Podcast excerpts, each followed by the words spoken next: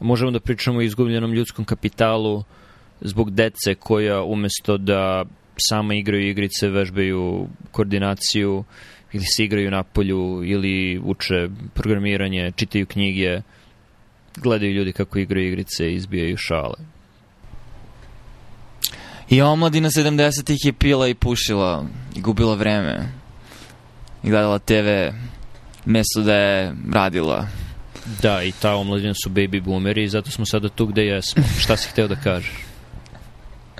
Da sam da kažem da je to sve prisutni stav kroz, kroz istoriju ljudske civilizacije da omladina gubi vreme i da ne znaju šta će sa sobom. Ali većina ljudi pogotovo sada sa tehnološkim razvojem, jednostavno ljudski rad možda nije toliko potreban, većina ljudi možda ni nema, nema intelektualni kapacitet da se upusti u tržište radi, oni koji nemaju, barem će imati način da sudeluju u ekonomiji čovečanstva, a oni koji imaju kapacitete će dalje da doprinose to, svojim ljudskim kapitalom toj ekonomiji. Hoćeš da kažeš da ljudski rad nije toliko potreban? Pričali smo o tome, mislim da smo čak pričali o tome za vreme Homo Deus o tome da ti ljudi završe u administraciji, mislim. Tako da bi zastupio potpuno suprotnu tezu od one koji se zastupao tada. Dobro je da čovjek menja mišljenje. Dobro, da. Okay. Znači, promenio si mišljenje po pitanju toga. Ne, ne, nisam. E, mislim da je velika šteta da, da se toliki ljudski rad gubi od administracije mislim, mislim da bi bilo dobro pronaći bolji bo, bolji no, da treniraju posao. veštačku inteligenciju, botove i tako dalje, tako da, dalje. na primjer. Da. Pa možda će neko da napravi, možda, možda ti ne znaš šta TikTok radi, mislim, ti ne znaš šta... Mislim, ko zna šta, šta ljudi, koje podatke oni sad dobijaju ljudi koji samo play gledaju o ljudskom ponašanju i šta sve više saznajemo o ljudima. Znači, sad trenutno radimo, iako su to sve privatne kompanije, najveće eksperimente jer imaš direktan pristup tome šta prilači pažnju ljudi, šta održava ljude da ostanu na nekoj platformi, kakva vrsta sadržaja, neki ljudi prilači da, znaš, tako da sad su to potencijalno vrlo vredni podaci i, i daju informaciju o tome kakvi smo i koji su naše želje, potrebe. Mhm. Mm to me podsjeća na... Nisam na kraju gledao Social Dilemma, on je dokumentarni film. E, drugar mi ga je baš skoro predložio. Da. Mm, okej. Okay. Si ga gledao? Da. Mislim, slušao sam Tristana Harisa kad je gostovao, mislim, kod Taylor Cowena i ono, pričao o mračnim dizajnu on i tako je jako, on je jako dobar i on je verovatno najbolji, najbolji lik u, u filmu. Uh, ovi ostali manje više Peter Campbell iz Madmana ima malu, malu ulogu. Stvarno. A zašto je docudrama, je li tako? Da, koja je vrlo, vrlo... Sada prelazimo na engleski, vrlo je cringy. Koji je prevod za cringe? Na... Pa i u srpskom se često koristi. blamantno, mislim, ali opet nema taj Blam... nivo... Mm, dobro, blamantno. No. Da. Ima vrlo blamogenu, mm. blamogenu no. ulogu. Nazovimo je tako. Uh, ali je, mislim, okej. Okay. Nije, nije, ništa, nije ništa što o, o, nismo znali da, da se koriste, mislim, ono... Dobro, ako konzumiraš doku dramu kao izvor informacija, daleko si od primarnog izvora informacija. Apsolutno. Mislim, generalno, sve manje volim dokumentarne filmove, sve više cenim igrane filmove, jer su bar iskreni u manipulaciji. Znaš da je to kobajagi i znaš da muzika je pravljena da u tebi izazove takvo i takvo osjećanje i, zna, i znaš da si izmanipulisan dokumentarni filmovi, koliko god se trudili da budu objektivni, opet je cilj manipulacija. Slažem se. I generalno mislim da zato mislim da sad imam ideju sledeće teme koje ćemo pričati, mislim da zato podcasti postaju sve popularniji, zato što možeš da čuješ ljude Znači, sam se u istom trenutku setio Citizen 4 dokumentarcu o Edwardu Snowdenu, a onda Snowden je gostovao kod Joe Rogana pre godinu dana i sad je skoro opet gostovo, ali tu, znači, tu nema manipulacije kadrovima, b-rollom, muzikom, nego jednostavno čovjek priča svoju priču, tako da je najbliže knjizi ili eseju što možeš da imaš. A pritom je interaktivno zato što druga osoba procesira to i postavlja dalja pitanja. Da. Ali ono što sam teo, trenutno osjećaj koji su meni budi i možda je pogrešan, ali mislim da je donekle uh, kao što su mnoge stvari nisu prouzrokovane COVID-om, nego je COVID samo bio katalizator, ubrzavanje, znači ubrzavao je te reakcije. Tako da mislim da, barem što se tiče komedije i stand-up komedije, da se formira potpuno novi um, nova ekonomska sfera, ne znam kako kažem. Nije, nije, nije novi žanr, ali jednostavno novi ispust, outlet, kako bih rekao, um, novi mediji, mogu bi da kažem. Ali hoću da kažem, ono što je sve popularnije su komičarski podcastovi um, dosta njih eksplodira, ali podcastovi u kom smislu gde i lupam između 20 i 50 komičara koji su ili u New Yorku ili u LA-u svako sad ima svoj podcast jer nema tura, jer nemaju jer zbog covid -a. tako da Blake Guy onda su počeli polako da gostuju jedni kod drugih ili preko Zuma ili uživo, jer se ono testiraju i održavaju distancu. I ono što rade je, diskusije koje imaju nisu diskusije koje komičari imaju u late nightu, gde se promovišu neki materijal ili nešto, nego su diskusije koje bi oni imali posle stand-up showa za barom, gde razmenjuju fazone, fore i čak i smišljaju, mislim, bitove.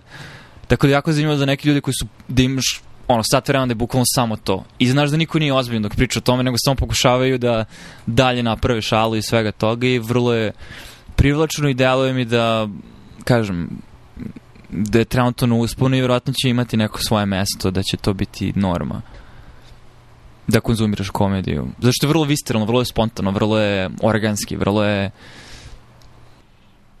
pretpostavljam da će posledica toga biti e, rast kvaliteta komedije da. za 10 do 15 godina jer će deca koje slušaju to sada imati uvid u razmišljanje komičara i moći, moći će na osnovu toga da, da e, budu mnogo bolji komičari od svojih uzora. Eto ti pozitivnog primjera YouTube-a i streamovanja. To nije ni YouTube, ni streamovanje. Dosta njih, je, to je dosta njih ima, ne, dosta njih ima YouTube kanale. Oni da. koji su najpopularniji dobro edituju svoje ali, kanale. Ali to je pravi primer onoga gde su to ljudi koji su komičari i čiji je primarni cilj e, komedija i zabavljanje ljudi i zarađivanje... Ali će motivisati nekog klinca da onda radi to. Ali neće ih, nadam se da ih neće motivisati da se bave YouTube-om, nadam se da će ih motivisati da se bave komedijom. Ali znači, na YouTube-u ili nekom streaming servisu. A da, ali YouTube je tu samo mediji, bitno je, bit, bitno je ono o čemu se radi, bitan je sadržaj. Znači, ako neko gleda CGP Grey snimke i misli, u, ovo je super, nadam se da je poruka od tu da želim i ja da izaberem jednu temu i da je istražim do detalja i da to prezentujem drugim ljudima, a ne želim i ja da imam milion pregleda za dva dana kao CGP Grey. A možeš da želiš ove stvari? Mislim da primarna treba da bude ova prva. Slažem Mislim se, ne. da je ovo drugo stramputica. Okej. Okay ali me podsjeća da ne bi bilo, mislim... Ali broj pregleda daje direktnu informaciju o tome da li je to nešto što ljudi smatraju relevantnim ili ne. To je tačno, to je jedna vrsta ali koji ljudi, mislim? povratne informacije, to je u redu, ali primarna motivacija bi trebalo da ti bude ono što je njih nateralo time da se bave, a ne posledica njihovog rada. Na, da, ali dosta komičara je počelo se baviti komedijom zato što žele da budu komičari kao one of the other guys, to, to sam često čuo. Uglavnom što sam ti kažem, samo da ti približim kako izgleda. E, znaš na HBO ovo što je izašao pre, ne znam, možda 7-8 godina, Talking Funny sa Ricky Gervaisom, Seinfeldom, da. Luisi, gde oni samo sede i pričaju da. o komediji s vremena na vreme, sede i pričaju o komediji s vremena na vreme, ovaj, bacaju fore. E, zamisli samo to sa različitim komičarima koji svako ima svoju ličnost, svako ima svoj stil i kako se međusobno amalgam pravi sa svakim novim.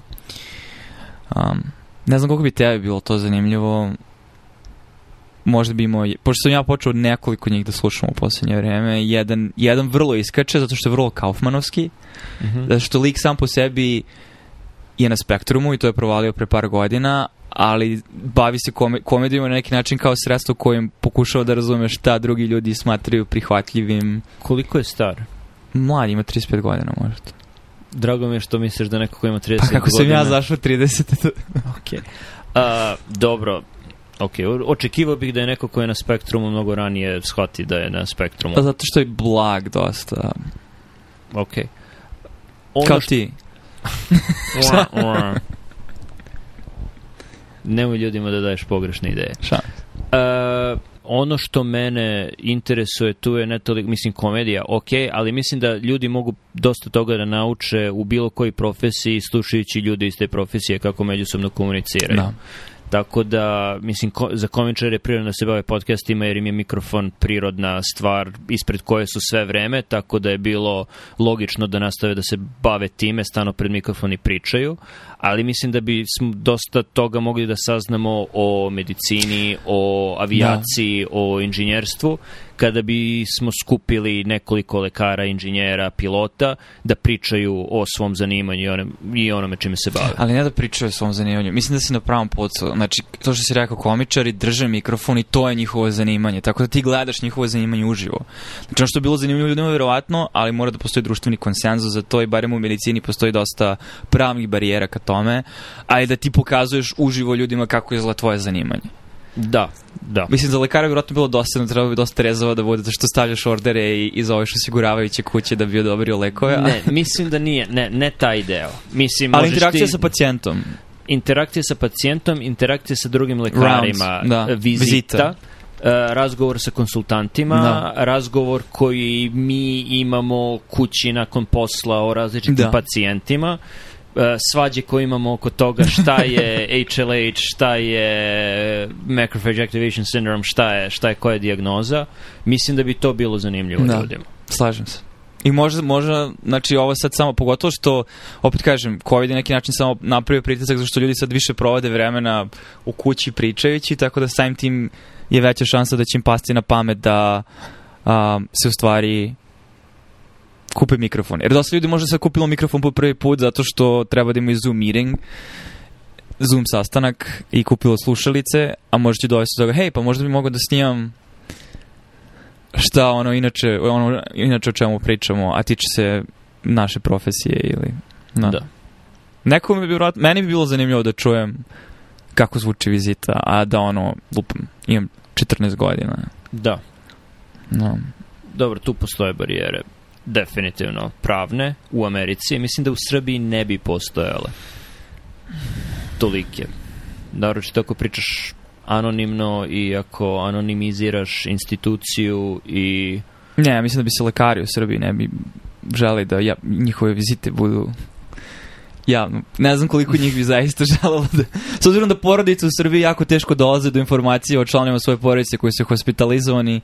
No, Šesto sumnjam da, da bi lekari otvorenih ruku primili kamere i, i mikrofone u, u mesta rada. Ali možda greš. Možda greš. Sigurno sam da postoje ljudi koji bi bili okej okay sa tim. Pa da, ali ne, ne mora čak da bude ni, ni u trenutku kada vodiš račun o tom pacijentu. Može da izabereš neki zanimljiv slučaj od pre 5, 10, 15 godina, čiji se ishod zna i može da napraviš nešto tipa... Morbidit. Da, M&M ili ono što je tumor board, što imamo što, što smo nekada imali svakog petka, sad se to malo proredilo. Možeš objasni ljudima koji kuće šta je M&M? Morbidity and Mortality, to je konferencija na kojoj e, međusobno pričamo o slučajevima koji nisu prošli kako treba i e, pokušavamo da da steknemo uvid u to šta smo mogli bolje da uradimo.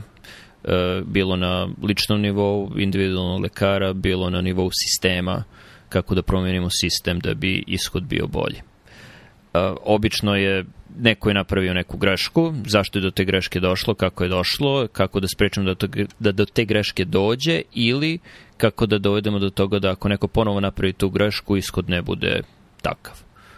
Tako da dosta može da se nauči o, o medicini generalno i u medicini u određenoj instituciji, svaka institucija ima svoje probleme koje mora da reši i to je jedini način otvorenom komunikacijom da, da se dođe do toga. Nekada mnogo pre našeg vremena je to bilo mesto gde su stari lekari pljuvali po mlađim lekarima kako ste mogli to da uradite ali sada obično osoba koja prezentuje slučaj nije osoba koja je bila direktno uključena u, u to i u nek, na nekim mestima, na primjer tamo gde smo mi prethodno radili, su se čak trudili da sve bude potpuno anonimno, tako da ljudi uopšte nisu znali o, zna, nisu znali o kom pacijentu se radi, niti su znali o kojoj se osobi radilo, mada ako je institucija dovoljno mala, možda ne, da ne, ukapiraš. Ne, definitivno nema toliki protok pacijenata, da ako je neki vrlo specifičan slučaj, da, svi znaju o kom se radi. Ubrzo, ubrzo se, se sazna čemu se radi, da, ali nema, nema svaljivanja krivice, nema nema optužbi, već se otvoreno priča o tome kako da budemo bolji lekari. Ali da se nastavim samo na to što se pričalo znači, o potencijalnoj revoluciji ili evoluciji. Ono što barem ja sada vidim jer ono, na teritoriji grada i država oko samog grada imaš različite programe, konkretno iz onkologije i mi sada svi razmenjujemo linkove za predavanja. Mi sad snimamo sva naša predavanja i ona će biti dostupna i možda će u ovom trenutku postati javna. Uh, razmišljam kako će u narednih par godina to da utiče na promenu distribucije obrazovanja i da li će board review kursevi, kursevi koji ljudi plaćaju po 5-6 hiljada dolara biti potpunosti nepotrebni jer ćeš imati gomilu besplatnih predavanja koje ti stručnjaci koji drže te board review kurseve održe, razumeš, ovde. Sat vremena ti pričao o ranom triple negative karcinomu dojke. Verovatno će biti, ali pitam se koliko će dugo te, ta predavanja biti potpuno otvorena. Pretpostavljam da će biti dostupna ljudima sa institucije gde se ta predavanja vrše. Ne, ne no. Da. znam da li, će, da li ćeš moći da se uloguješ ili bez, bez uh, logina moći da, da pristupiš tim predavanjima? Mislim, ovde su svi plaćeni od strane para porezkih obveznika i, mislim, javnost bi trebalo da ima uvid u To je tačno za NH predavanja, da. definitivno. Da. I NH predavanja koja se ne bave administracijom i, i unutrašnjim stvarima jesu javno dostupne. Znači NH ima videocastove gde možeš da vidiš sve uh, Grand Rounds, sve, sva druga predavanja a i ona su generalno dostupna javnosti, dakle neko može da ušeta u NH kao posetilac i da, ne da sedi u amfiteatru i prisutuje. jer više nema amfiteatra, ali da, da, javno su dostupna i postoji preuživo prenos na, na sajtu NIH. Ali ne bi trebalo toliko da pričamo o NIH, tako da ću sve ovo da isečem.